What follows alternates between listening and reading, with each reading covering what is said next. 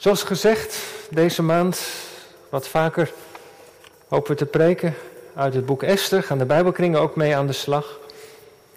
Vanmorgen Esther 1 en 2 zijn natuurlijk best twee grote hoofdstukken. We lezen niet alles daarvan, een aantal versen. En vanmiddag gaat dominee Batenburg ook weer verder, als ik me niet vergis, met hoofdstuk 3. Laten we de Bijbel openen, Oude Testament in het boek Esther. We lezen uit hoofdstuk 1, de versen 1 tot en met 5, vers 12 en dan vanaf vers 16. En het woord van God voor deze zondag. Het gebeurde in de dagen van Aosferos. Hij is de Aosferos die regeert van Indië af tot Kush, Ethiopië toe, over 127 gewesten. En in die dagen toen koning Aosferos op zijn koninklijke troon zat, die in de burcht Susan was, in het derde jaar van zijn regering richtte hij een maaltijd aan voor al zijn vorsten en dienaren. De legerbevelhebbers van Perzië en Medië, de edelen en de vorsten van de gewesten waren bij hem. Terwijl hij vele dagen lang de rijkdom en de luister van zijn koninkrijk liet zien. De glansrijke luister van zijn grootheid, 180 dagen lang. En toen die dagen voorbij waren, richtte de koning een maaltijd aan voor heel het volk dat zich in de burcht Susan bevond, van de hoogste tot de laatste, zeven dagen lang, in de voorhof van de tuin van het koninklijk paleis. En er wordt verder beschreven hoe dat er allemaal aan toe gaat, hoe rijk en uiteindelijk um, is de koning vrolijk door de wijn en dan bedenkt hij het plan, dat was hij. Hij wil voor al die mannen die daar zijn, zijn de schoonheid van zijn vrouw laten te zien. Vers 11 en dan starten we bij vers 12. Maar koning Vasti weigerde te komen op het woord van de koning. Dat was overgebracht door middel van de hovelingen. Ze doet dus aan het feest niet mee. En toen werd de koning verschrikkelijk kwaad en ontstak in woede. En dan zijn daar de, de raadslieden, de wijzen, die geven hem allerlei adviezen. En één in het bijzonder, vers 16 zegt dan, toen zij Memucham ten overstaan van de koning en de vorsten, luister, niet alleen tegen de koning heeft koning Vasti zich misdragen, hè, door nee te zeggen, maar ook tegen alle vorsten en tegen alle volken in alle gewesten van koning Ahasveros. En het antwoord van de koning zal namelijk alle vrouwen bereiken, zodat ze met minachting neer zullen kijken op hun man en zeggen, koning Ahasveros zei dat men koning Vasti bij hem moest brengen, maar ze kwam niet. En op die dag zullen de vrouwen van de vorsten van Persie en Medië, die het antwoord van de koningin hebben gehoord, ook zo spreken. Tegen alle oversten van de koning. En er zal genoeg reden tot verachting en ergernis zijn. Als het de koning goeddunkt, laat er dan een koninklijk besluit van hem uitgaan dat schriftelijk wordt vastgelegd in de wetten van Persie en Medië, zodat het niet herroepbaar is dat Vasti niet meer bij koning Ahasverus mag komen. Laat de koning haar koninklijke waardigheid geven aan een andere vrouw die beter is dan zij. En wanneer dit bevel van de koning gehoord zal worden dat hij uitvaardigt in heel zijn koninkrijk, want het is groot, dan zullen alle vrouwen eerbied hebben voor de man, van de hoogste tot de laagste. En dit voorstel nu was goed in de ogen van de koning en de vorsten. En de koning handelde naar het woord van Memucham. En die brieven en hij zond brieven aan alle gewesten van de koning, aan elk gewest in zijn eigen schrift en aan elk volk in zijn eigen taal, dat elke man heer en meester moest zijn in zijn huis. En overeenkomstig de taal van zijn volk moest spreken. Nou, en dan gebeurt het. Vasti is geen koningin meer. En dan op advies van zijn hovelingen houden ze een schoonheidswedstrijd in heel het land, worden vrouwen uitgekozen.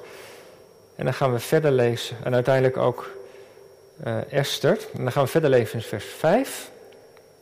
En er was een Joodse man in de burcht Susan en zijn naam was Mordechai, de zoon van Jair, de zoon van Simei, de zoon van Kis, een man uit Benjamin. Hij was weggevoerd uit Jeruzalem met de ballingen, met Jegonja, de koning van Juda, die Nebukadnezar, de koning van Babel, in ballingschap had gevoerd.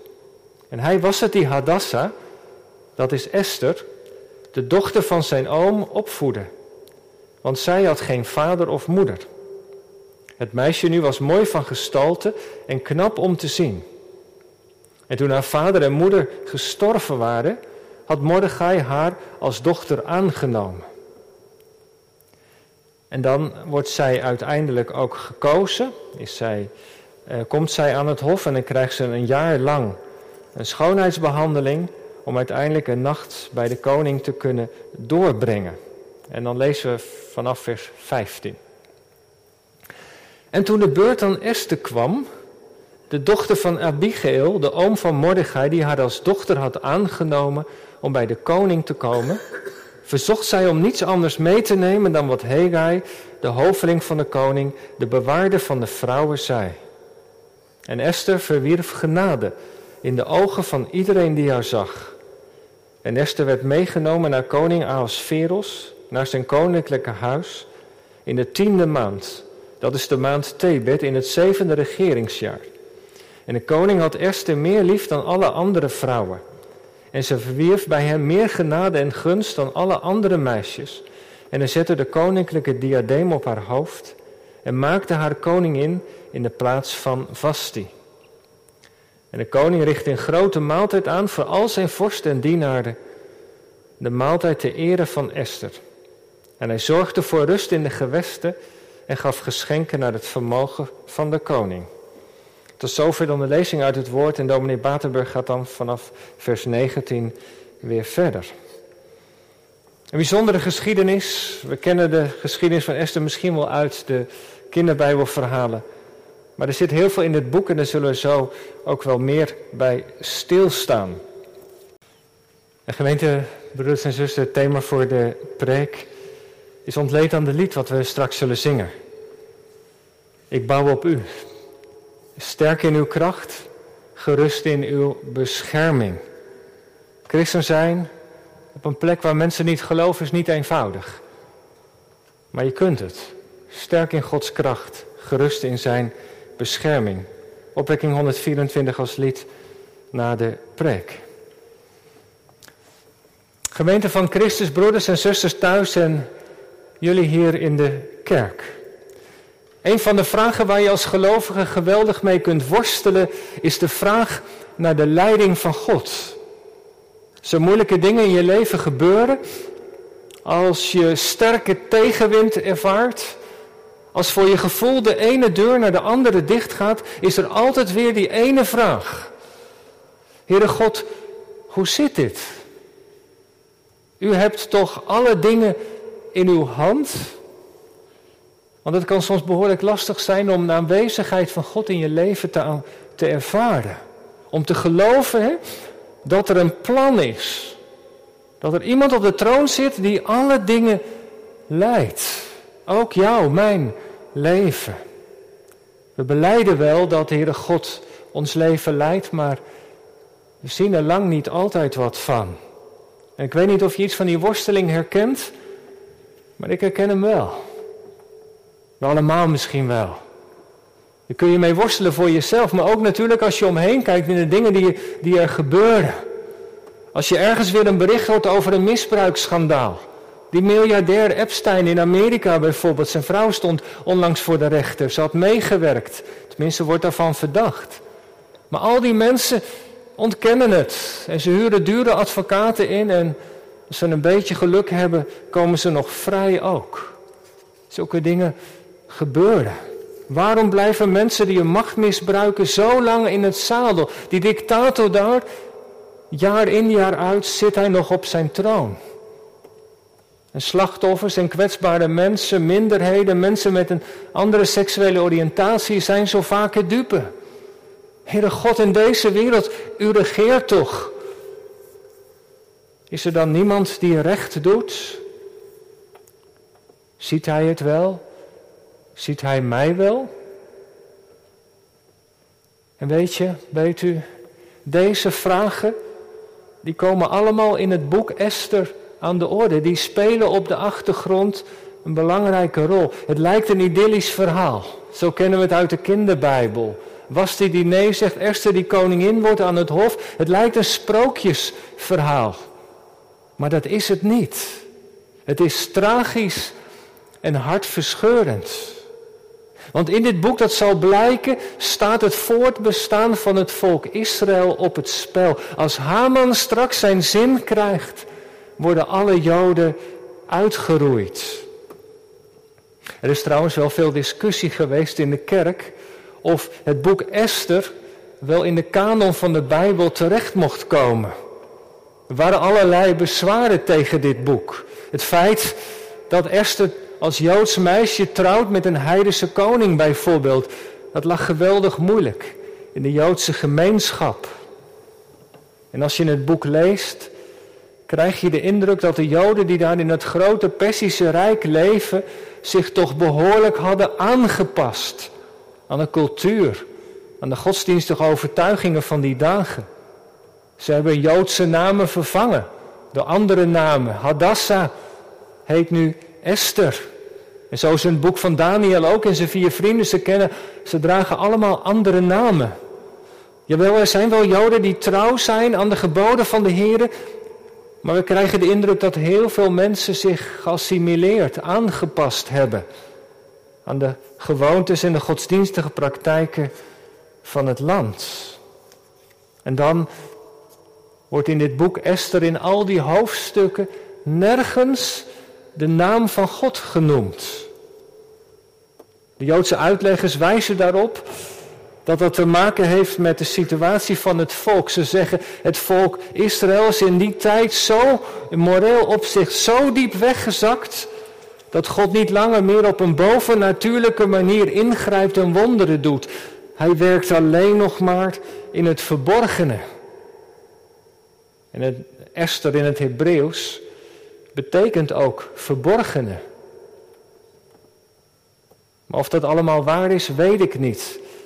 Het feit blijft wel dat het voor Joden als minderheid niet gemakkelijk was om trouw te blijven aan God in dat grote Persische Rijk met die machtige koning en dat sterke leger. Dan moest je wel heel sterk in je schoenen staan om dan te blijven geloven in de God van Israël. Je was immers, de tempel was verwoest, je was immers in het buitenland een minderheid.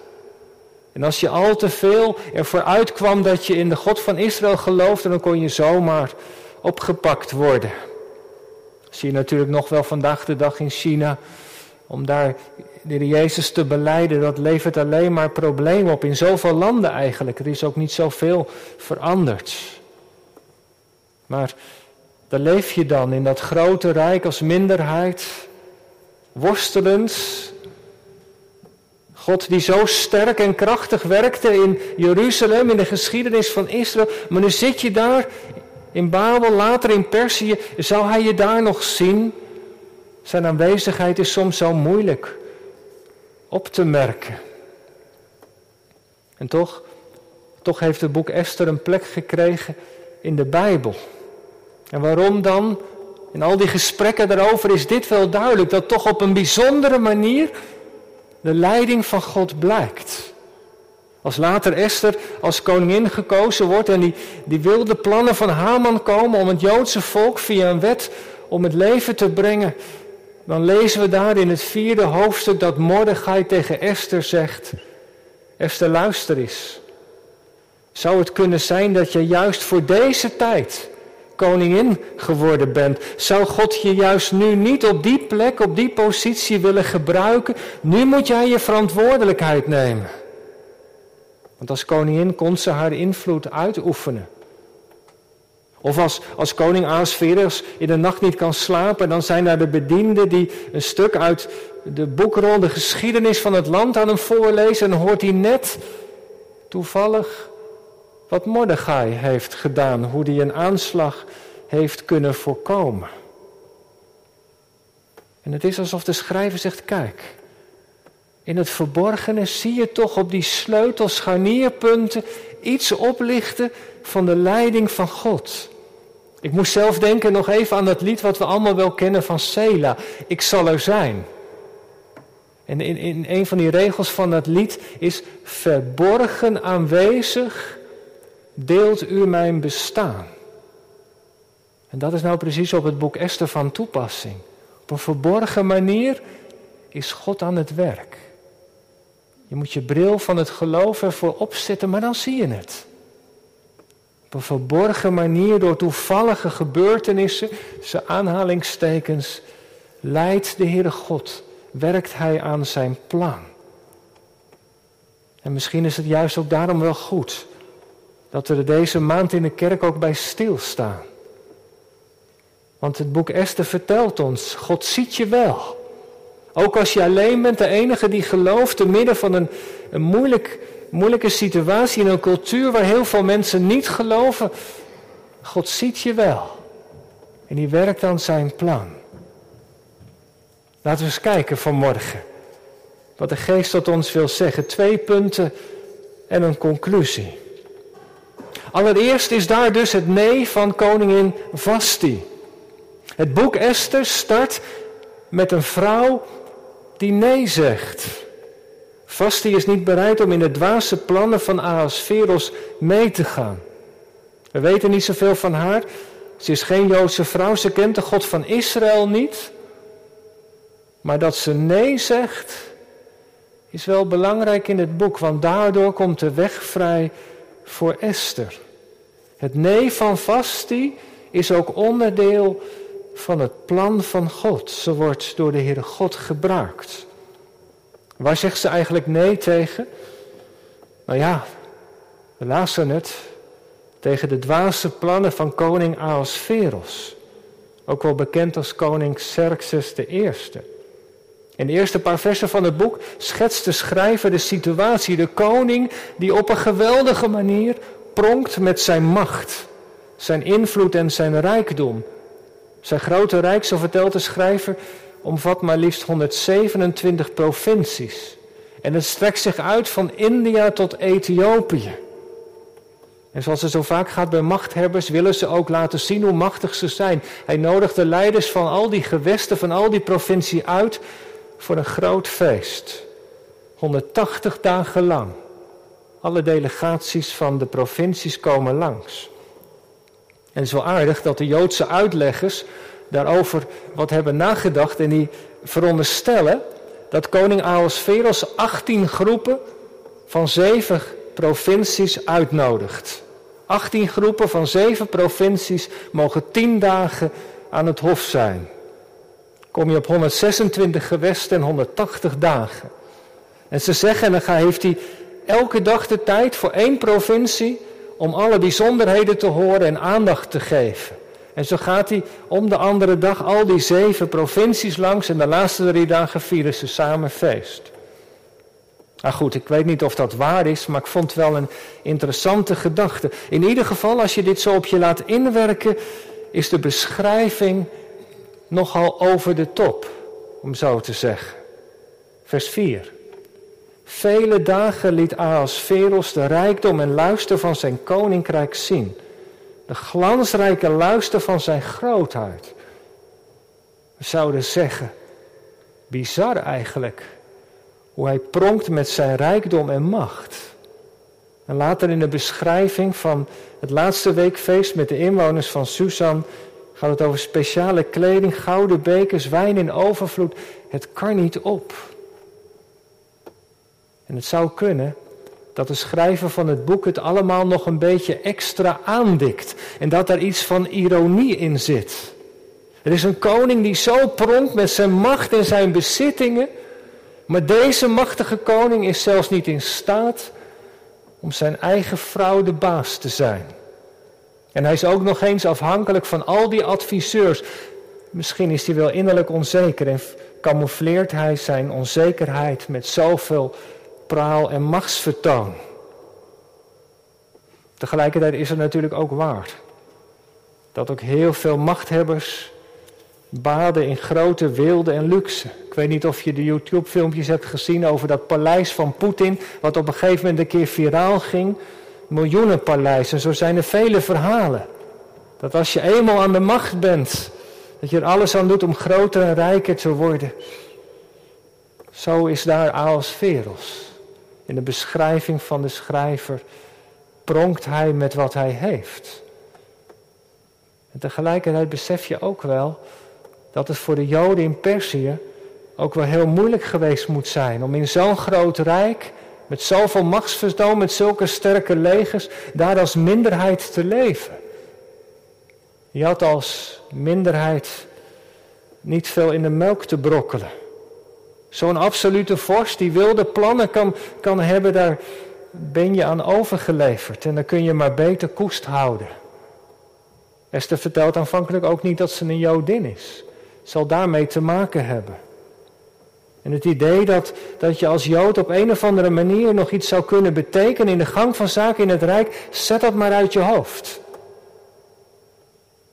Het leven wordt gedomineerd door de wetten van pers, een wet van mede en persen. Die verander je niet zomaar. En dan, dan gaat het mis. Ineens zie je wat te veel alcohol met iemand doet. In een dronken bui bedenkt Ahasveros een plan dat hij wil pronken met zijn vrouw Vasti. Als zij nu met haar kroon op laat zien hoe mooi ze is, voor al die mannen die daar vertegenwoordigd zijn, dan schittert Ahasveros. En vermoedelijk moet ze dat doen, naakt, dansen voor de mannen daar, als een lustobject. Maar ze weigert en zegt nee. Het is wel een bijzonder verhaal, vind je niet? Primitief verhaal, vindt u niet? Staat dat nu in de Bijbel? Moeten we het daarover hebben vanmorgen? Ja, gemeente, de Bijbel verhult zoiets niet. Maar primitief, nee, dat is het niet. Het is heel actueel. Zulke feestjes worden aan de lopende band gehouden vandaag. Bij een willekeurig personeelsfeestje van je bedrijf komt als bijzondere attractie iemand strippen. Paar mooie vrouwen, mannen. Mooi mag toch best gezien worden, of niet? Of samen naar een pornofilm kijken op je vrijgezellenfeest. Ben je daar wel eens voor uitgenodigd? En zeg je dan nee? Zeg je nee tegen je baas? Als hij iets van je vraagt wat onbehoorlijk is? Of denk je al aan het functioneringsgesprek wat er gaat komen? Doe je gewoon een beetje mee als je op zakenreis bent? Ach ja, je hoeft de krant maar te lezen. Afgelopen vrijdag een berichtje bij de NOS. Een kwart van de basisscholen heeft te maken met online shaming. Naaktfoto's van leerlingen die worden verspreid. Dezelfde dag in de krant een bericht over universiteit in Marokko. Seks in ruil van goede cijfers. Het ene voorbeeld kun je aanvullen met het andere. En zeg in zo'n cultuur maar eens nee. Daar doe ik niet aan mee. Dat is niet gemakkelijk. Als er dingen van je gevraagd worden, als je lichaam of je uiterlijk belangrijker is dan je gaven en talenten voor je job. Vasti strekt een streep en ze zegt nee. En dat heeft grote gevolgen. Ze verliest haar positie. Op aandringen van de dienaren wordt er een wet gemaakt. Koning, dat moet je toch niet laten gebeuren? Straks zullen alle vrouwen in opstand komen. En met minachting op een man neerkijken. Vaardig een decreet uit. Neem een andere vrouw. En zullen vrouwen leren eerbied te hebben voor de man. Woorden hebben kracht. Een dergelijk taalgebruik is niet neutraal. De macht wordt misbruikt om dingen gedaan te krijgen. Maar Vasti zegt nee. Ze wil geen pronkbezit van haar man. Ze zegt nee, waarom? Omdat er bepaalde dingen heilig voor haar zijn.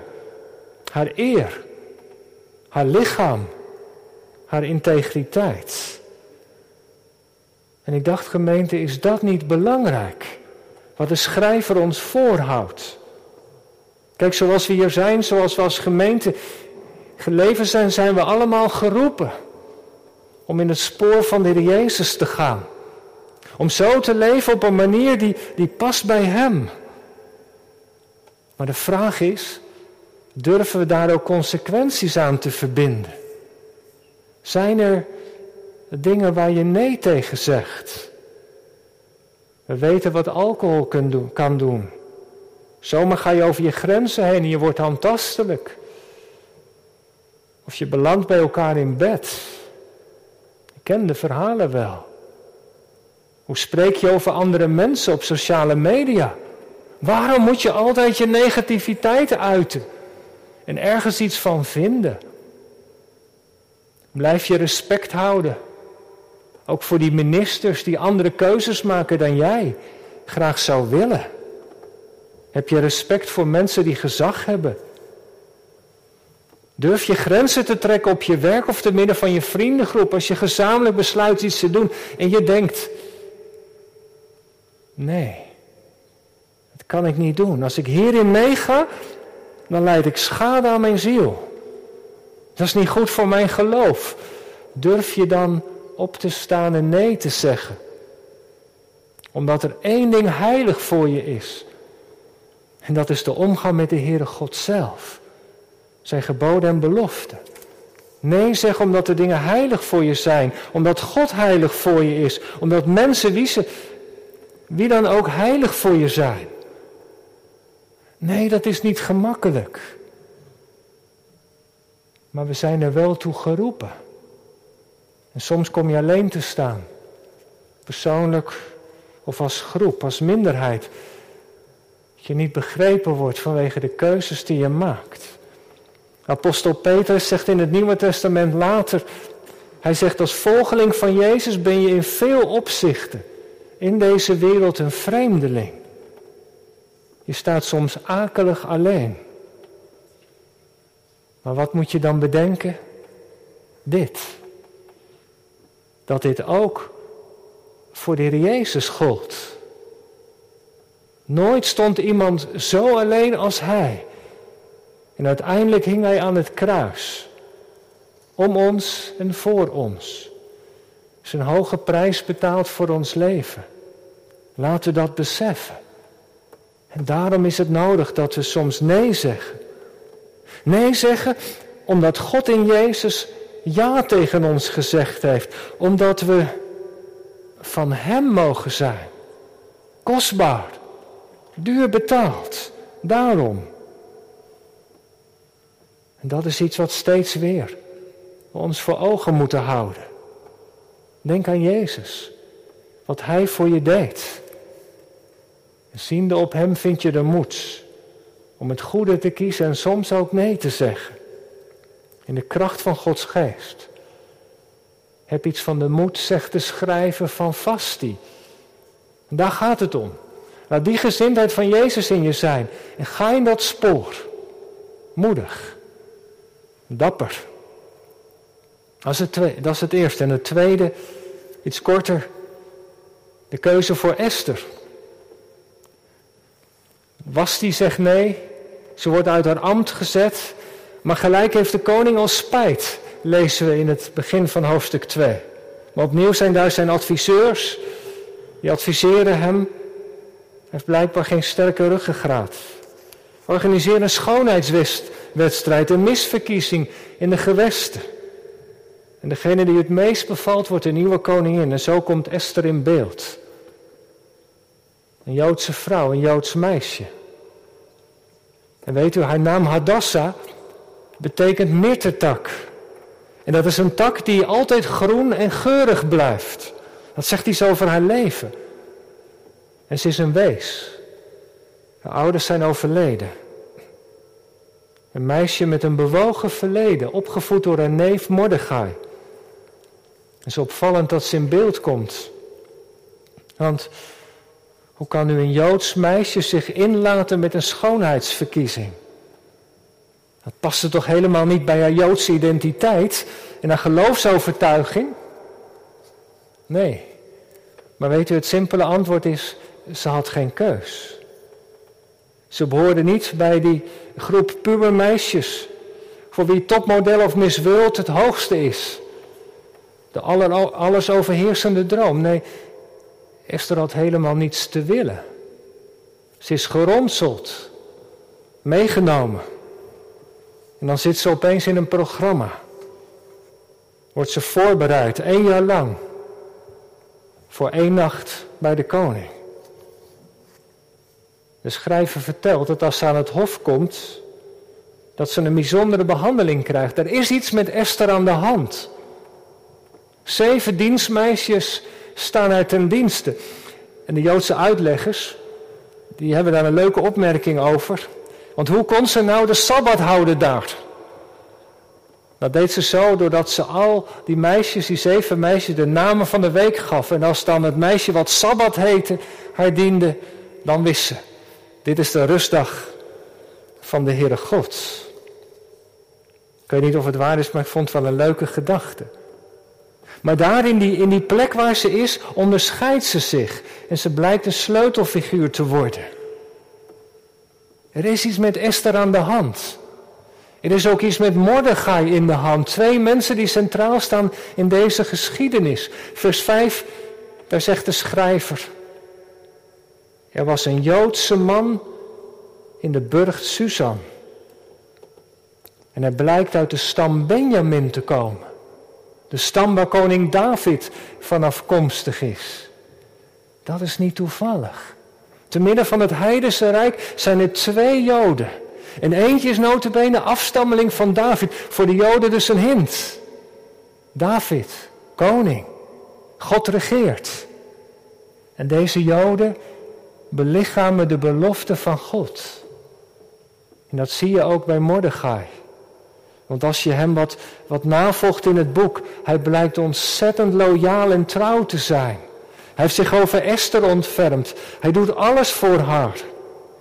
En op het moment van die samenswering, als hij dat hoort, maakt hij dat bekend aan de koning. Hij is iemand die trouw is aan mensen. Mordechai is iemand die die trouw van God belichaamt, om zo te zeggen. Want als er één woord is wat de Heere God kenmerkt, dan is dat het woordje trouw. Dat hij doet wat hij heeft beloofd. Dat hij trouw is aan zijn belofte. En zoiets zie je in het leven van deze Mordechai. In een cultuur waar de Heere God ver weg lijkt, waar je heel weinig van hem ziet, is daar opeens Mordechai. Iemand die trouw is aan God en aan mensen. En weet u wat ik ook zo bijzonder vind? Dat er twee dingen over Esther wordt gezegd. Vers 15 staat, ze verwerft de gunst, genade in de ogen van iedereen. Vers 17 nog een keer, ze verwerft genade en gunst. Ze zit daar alleen in het grote heidense rijk, maar er is iets met Esther aan de hand. De genade van God rust op haar leven. God laat haar niet los. Op die plek waar ze is, is Hij er met zijn genade en de mensen merken dat. Net als Obadja in het hof van de goddeloze koning aangaf. Hij werd door God gezegend. En dat is dus de les. Als je trouw blijft aan de Heere God, dan rust zijn gunst op je leven, ook al sta je er helemaal alleen voor. En dat woordje gunst, gezet, dat is het woordje over de trouw van God. Die trouw, die hand van God, die rust op deze twee mensen. En ze worden door de Heere gebruikt. Wat wil de Heere God door dit Bijbelgedeelte tegen ons zeggen? Twee dingen en daar sluit ik mee af. De eerste is dit. Als er in een cultuur steeds minder ruimte lijkt te zijn voor de Heere God. Als geloven iets is van privézaak, achter je voordeur. Blijf dan geloven dat God regeert. De Heer Jezus zit op de troon. Hij werkt aan zijn plan. Soms zie je er even wat van. Misschien heel vaak ook niet. Wat hij doet, doet hij in het verborgene. Maar verborgen aanwezig deelt aan mijn bestaan. Hij is wel degelijk aan het werk. Vergeet dat alsjeblieft niet. Esther, ze wordt door de Heere God gebruikt. God zal jou, u en mij ook gebruiken. Als wij in het kleine trouw zijn. Als er momenten zijn dat we nee zeggen wanneer het nodig is. Zal Hij ons zegenen op de plek waar we ons bevinden. Trouw zijn. God regeert, dat was het eerste. En het tweede, we zijn geroepen om trouw te blijven aan de Heer. Daar op die plek waar je woont, leeft, werkt, te midden van je vrienden. Heb de moed om op te staan. Omdat God ja tegen je heeft gezegd, omdat je van Hem bent. Laat dat je identiteit bepalen. In alles wat je doet en God zal je zegenen. Wees sterk. In Zijn kracht. Gerust in Zijn bescherming. Je hoeft niet bang te zijn. Hij draagt zorg voor ons. Amen.